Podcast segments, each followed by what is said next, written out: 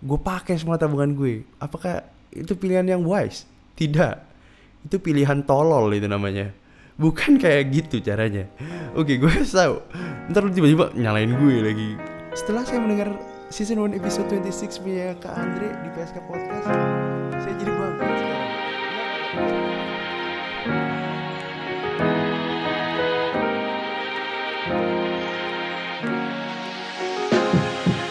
Hey everyone, welcome back to PSK pada suatu ketika season 1 episode 26. And for those of you yang baru pertama kali hadir di sini, gue mau ngucapin welcome karena di sini lu bakal denger cerita dari gue, host lu, Andre, yang bakal sharing pengalaman hidupnya dan hopefully can be impactful in your life. Gila, gue positif banget ya hari ini. Entah kenapa. Oke, eh, setelah gue punya podcast yang minggu lalu, gue ngerasa ah, banyak milenial yang sebenarnya masih eh, berkecimpung di mas berkecimpung di masalah eh, masalah-masalah milenial yang ada. Seperti contoh yang mau gue bawain sekarang adalah tentang passion. Dan hampir semua pendengar gue rasanya kayak mereka ada masalah di bagian ini. Kayak kak ini bukan passion aku. Aduh aku gak bisa hidup kayak gini terus. Tenang tenang tenang tenang tenang. Ini bukan cuman kalian doang kok. Kalau lu pada follow Instagram PSK Podcast dan lu lihat gue nge-reshare punyanya kumparan bahwa 86% milenial actually live in quarter life crisis gitu loh. Jadi bukan cuma lu doang yang anxious sekarang. Kalau ada 100 orang, 86 dari mereka tuh mereka lagi anxious juga gitu loh. Jangan jadi lu pada jangan entitled kayak lu pada nggak ngerti perasaan gue. Enggak, yang lainnya juga perasaannya sama. Jadi tenang, tenang, calm down, calm down. Hari ini tuh gue ingin ngomong tentang passion dan banyak banget menurut gue misconception ya kan ya. Kita mulai dulu nih. Gue gue yakin semua orang di sini udah ngerti tentang passion itu apa, your calling, your interest, and lu pada mungkin udah lihat di YouTube kayak orang-orang bule-bule putih gitu kan. Woi, gue keluar dari kerjaan gue nih. Gue pindah ke Bali, gue pindah ke Thailand. Terus gue jadi digital nomad, kerjanya online semuanya. Gue nggak perlu dateng, gue living my life. Ya jujur aja, gue yang tinggal di Madura sekarang lumayan stres kalau video-video kayak gitu ya. Tapi gimana ya? Ada bener ya, ada bener ya. Even Gary Vee juga bilang kayak do what makes you happy and follow your passion gitu loh. Cause following your passion can make you happy gitu. Itu sebenarnya bener, bener. Eh, di idea itu bener banget. Tapi the idea of follow your passion tuh juga menuai banyak negatifnya gitu.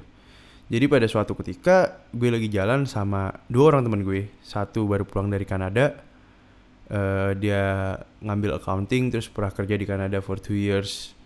Dan dia ngerasa dia dia quarter life crisis dan dia pulang ke Indonesia dan dia tetap stres. Ya anjir gue gue seumur umur nggak pernah sih. Nggak pernah denger ada orang bilang ke gue oh ya gue sekarang gue akuntan dan itu passion gue. Hah? Passion lu keren banget bro. Iya gue gue selalu kepikiran dari kecil itu ngitungin duit orang lain. Nggak ngerti kenapa gitu. Itu passion gue aja. Gue jujur aja nggak pernah denger kayak gitu sumpah. Emang sih eh, kenapa pertanyaannya adalah kalau lu tahu tuh mid midlife crisis itu banyak kejadian tuh paling banyak ke orang-orang akuntan gitu loh. Jadi waktu temen gue yang akuntan orang Kanada ini curhat ke gue kayak gue ah, udahlah. Gue nggak kaget sih kalau lu sekarang quarter life crisis. Sedangkan salah satu temen gue yang lainnya dia kerja di company jadi dia jadi corporate law- lawyer gitu kan. Jadi dia beda banget daripada kita berdua. Dia orangnya lebih positif lebih nggak anxious sama masa depannya. Eh, tipikal tipikal overachiever gitu deh. Ya kita ngomong tentang passion kita ngomong tentang passion segala macam tentang kejenuhan di tempat kerja. Dan ya, dia ngomong sesuatu yang yang menurut gue masuk akal gitu loh. Kayak passion itu cuman just a gimmick gitu yang dipakai sama semua orang eh, follow your passion follow your passion gitu loh. Dan at the same time gue tuh baru baca bukunya Scott Galloway yang The Four pasti lu pada udah tahu. Di bagian akhirnya Scott Galloway juga bilang hal, -hal yang sama gitu loh. Do not follow your passion follow your talent. In real life itu yang paling bener gitu loh. And at the same time gue tuh selalu memperhatikan orang-orang yang gue bisa bilang orang-orang yang less unfortunate gitu loh. Kayak let's say tukang beca gitu. Hah, terus kalau kayak tukang beca pengemis gitu lah. Oke gue benci banget ba- sama pengemis soalnya rata-rata pengemis di kota gue itu sebenarnya mereka tajir cuy. Jadi udah organize. Oke ini ini cuman gue kasih tau lu aja gue kenapa gue nggak suka gitu loh. Eh ya kayak kayak maksud gue kayak misal kayak tukang beca ataupun kayak misal pekerjaan-pekerjaan yang petani gitu kan. Kan itu kan dianggap rendah masyarakat dan emang kenyataannya mereka dapat pendapatan mereka tuh sangat rendah gitu loh apakah mereka juga nggak bisa follow kayak follow your passion gitu loh follow their passion? Apakah itu cuman buat kita aja? Karena gue dari dulu selalu kepikiran gitu kayak sebenarnya the idea of following your passion itu sebenarnya cuma bisa di apply ke orang-orang yang those rich white people yang emang mereka punya option banyak gitu di hidup. Mereka udah ada privilege dan mereka punya banyak pilihan hidup.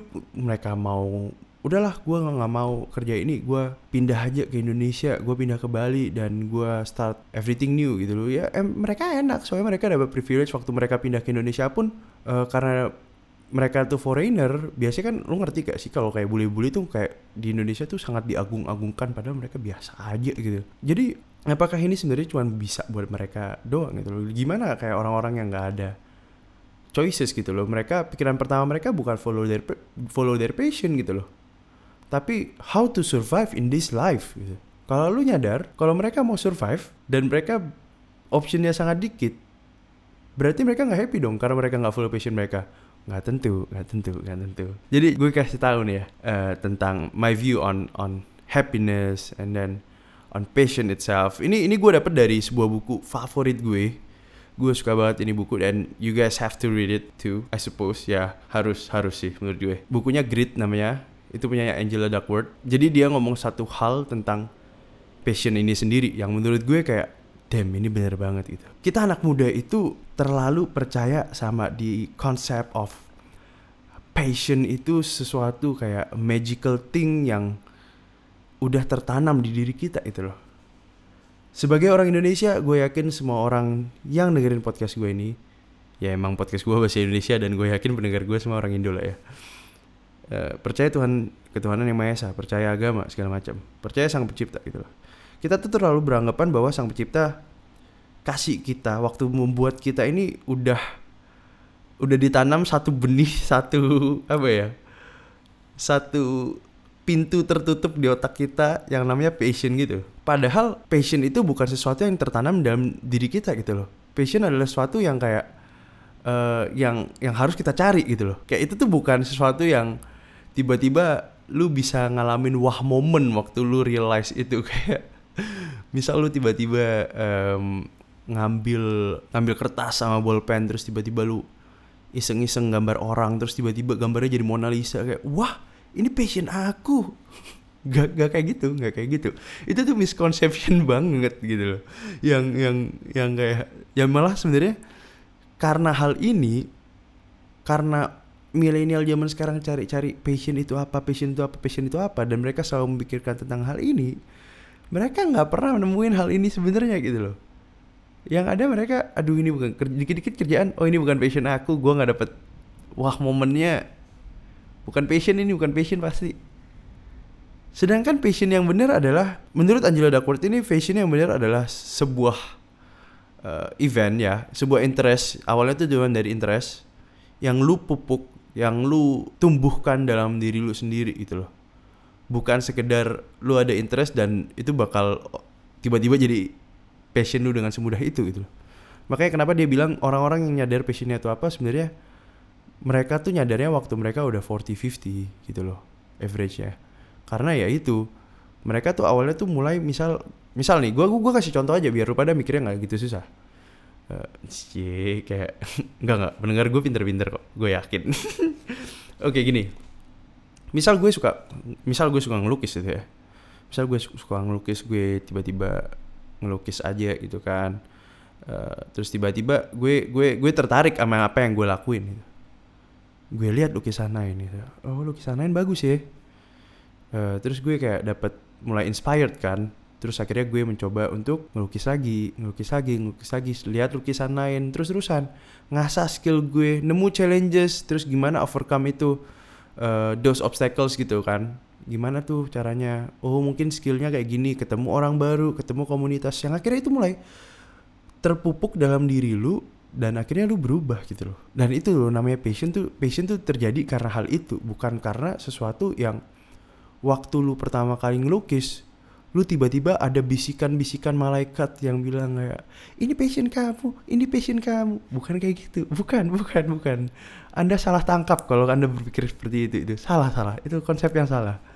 Jadi, jadi lu pada sampai sini ngerti gak sih misconception passion yang gue bilang ini?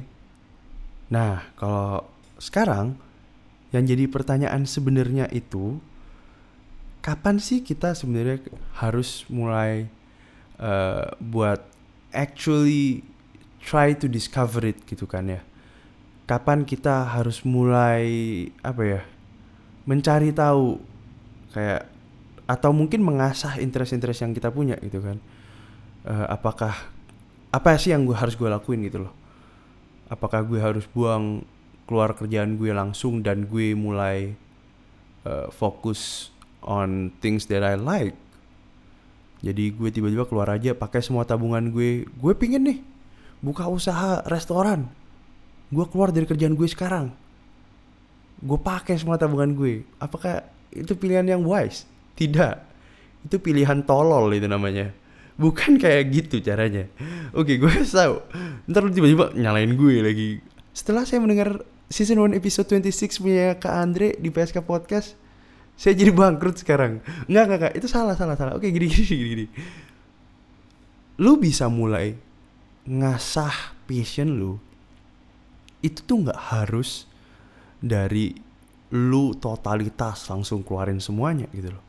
Lu bisa start dari hal yang paling kecil yang gue bilang tadi seperti pelukis gitu. Misal lu mau cari tahu apakah gue sebenarnya apakah ini calling gue buat gue um, masak ya kan? Uh, banyak sebenarnya zaman sekarang tuh ya dari teman-teman gue sendiri mereka banyak yang bilang gue loh kayak kayak gue itu pingin banget pindah karir tapi gue nggak ada courage buat itu karena gue udah terlanjur uh, lama di industri ini dan jurusan gue waktu kuliah udah kayak gini. Nah kalau lu nggak berani nggak apa-apa lu coba dulu aja coba yang lain secara kecil-kecil. Misal lu kayak masak tadi lu bisa sering-sering masak di rumah gitu loh deepening your skill lihat YouTube gitu loh. Dan waktu lu udah nyentuh ke poin di mana tahu itu kayak oke okay, ini saatnya gue jam gitu loh. Lu bakal tahu cuy. Soalnya the confidence is just up there gitu. Waktu lu udah punya kepercayaan diri itu. Lah terus kak kalau kayak gitu kan gak pasti. Bisa sampai 10-20 tahun. Emang bener? Itu emang bener.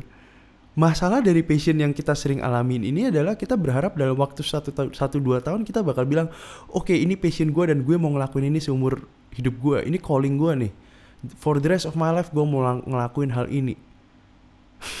Itu itu misconceptionnya tuh di situ gitu loh. Yang kayak anak muda zaman sekarang tuh pingin detik ini juga tahu passionnya tuh apa dan udah ini keahlian gue ini kelebihan gue gue gue happy banget di sini dan gue nggak akan tinggalin hal ini. Itu itu itu itu, itu misconception yang sangat salah gitu loh. Sedangkan kalau si Angel asik si Angel kayak kenal aja.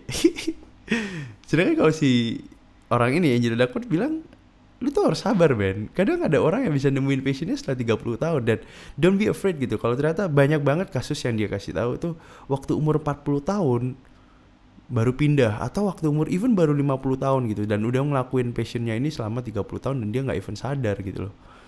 Jadi don't be afraid to try something new. Toh itu lu juga hal kecil juga yang lu bakal lakuin gitu kan misal lu mau belajar fotografi misal lu beli kamera mungkin dari HP lu aja gitu loh. Saat skill lu udah naik lu bisa beli kamera yang lebih bagus lu upgrade upgrade upgrade upgrade upgrade. Jadi jangan jangan takut untuk mencoba sesuatu yang baru gitu loh. Nah kak misal nih uh, ada yang kasus-kasus balik lagi yang pertama orang-orang unfortunate tuh itu gimana?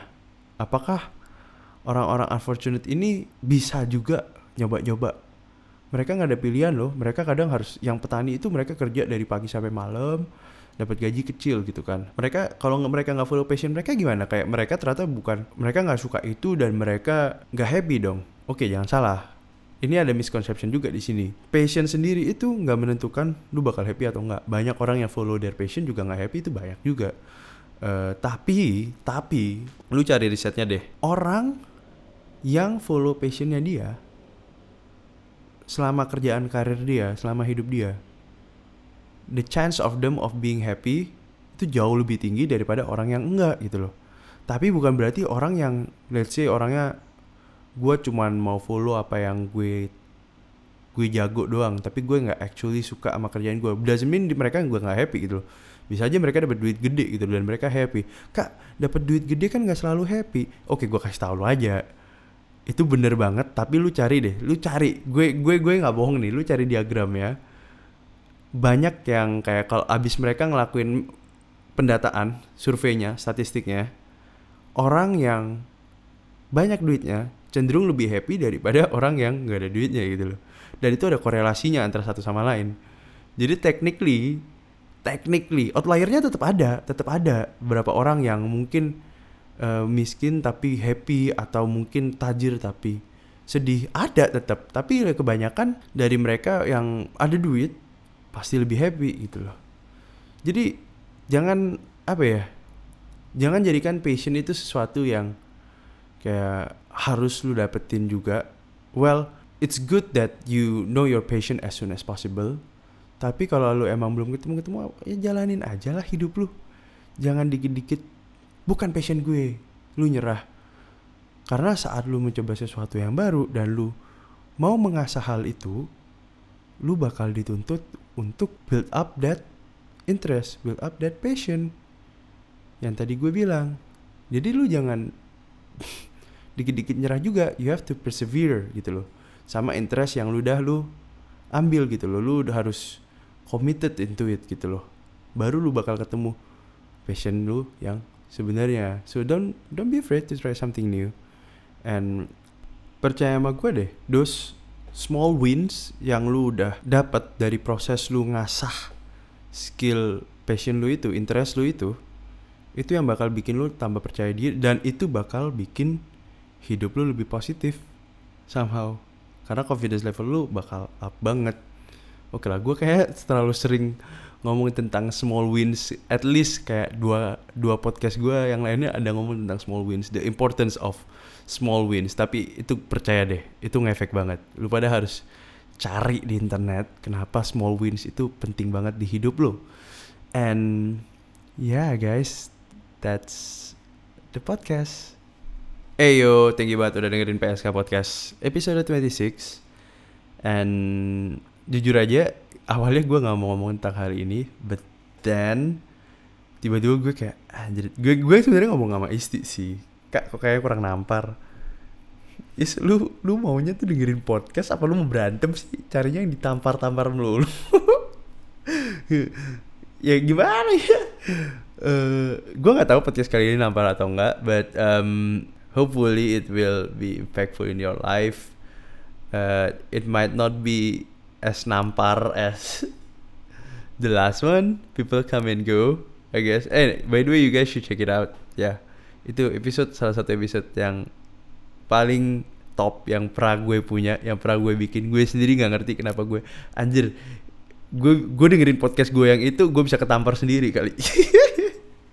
But yeah anyway I I'll see you guys next week. And don't forget to follow PSK Podcast on Instagram, follow PSK Podcast on Spotify also. And also gua kasih tahu aja Friday night sampai Saturday evening kayak maybe like before 5 before 6 sebelum kita malam mingguan gua selalu ada survei-survei. And for those of you yang mau contribute to the community please follow Instagram PSK Podcast. And thanks banget yang udah follow. And yeah hopefully you can join the team I'll see you guys next week. See ya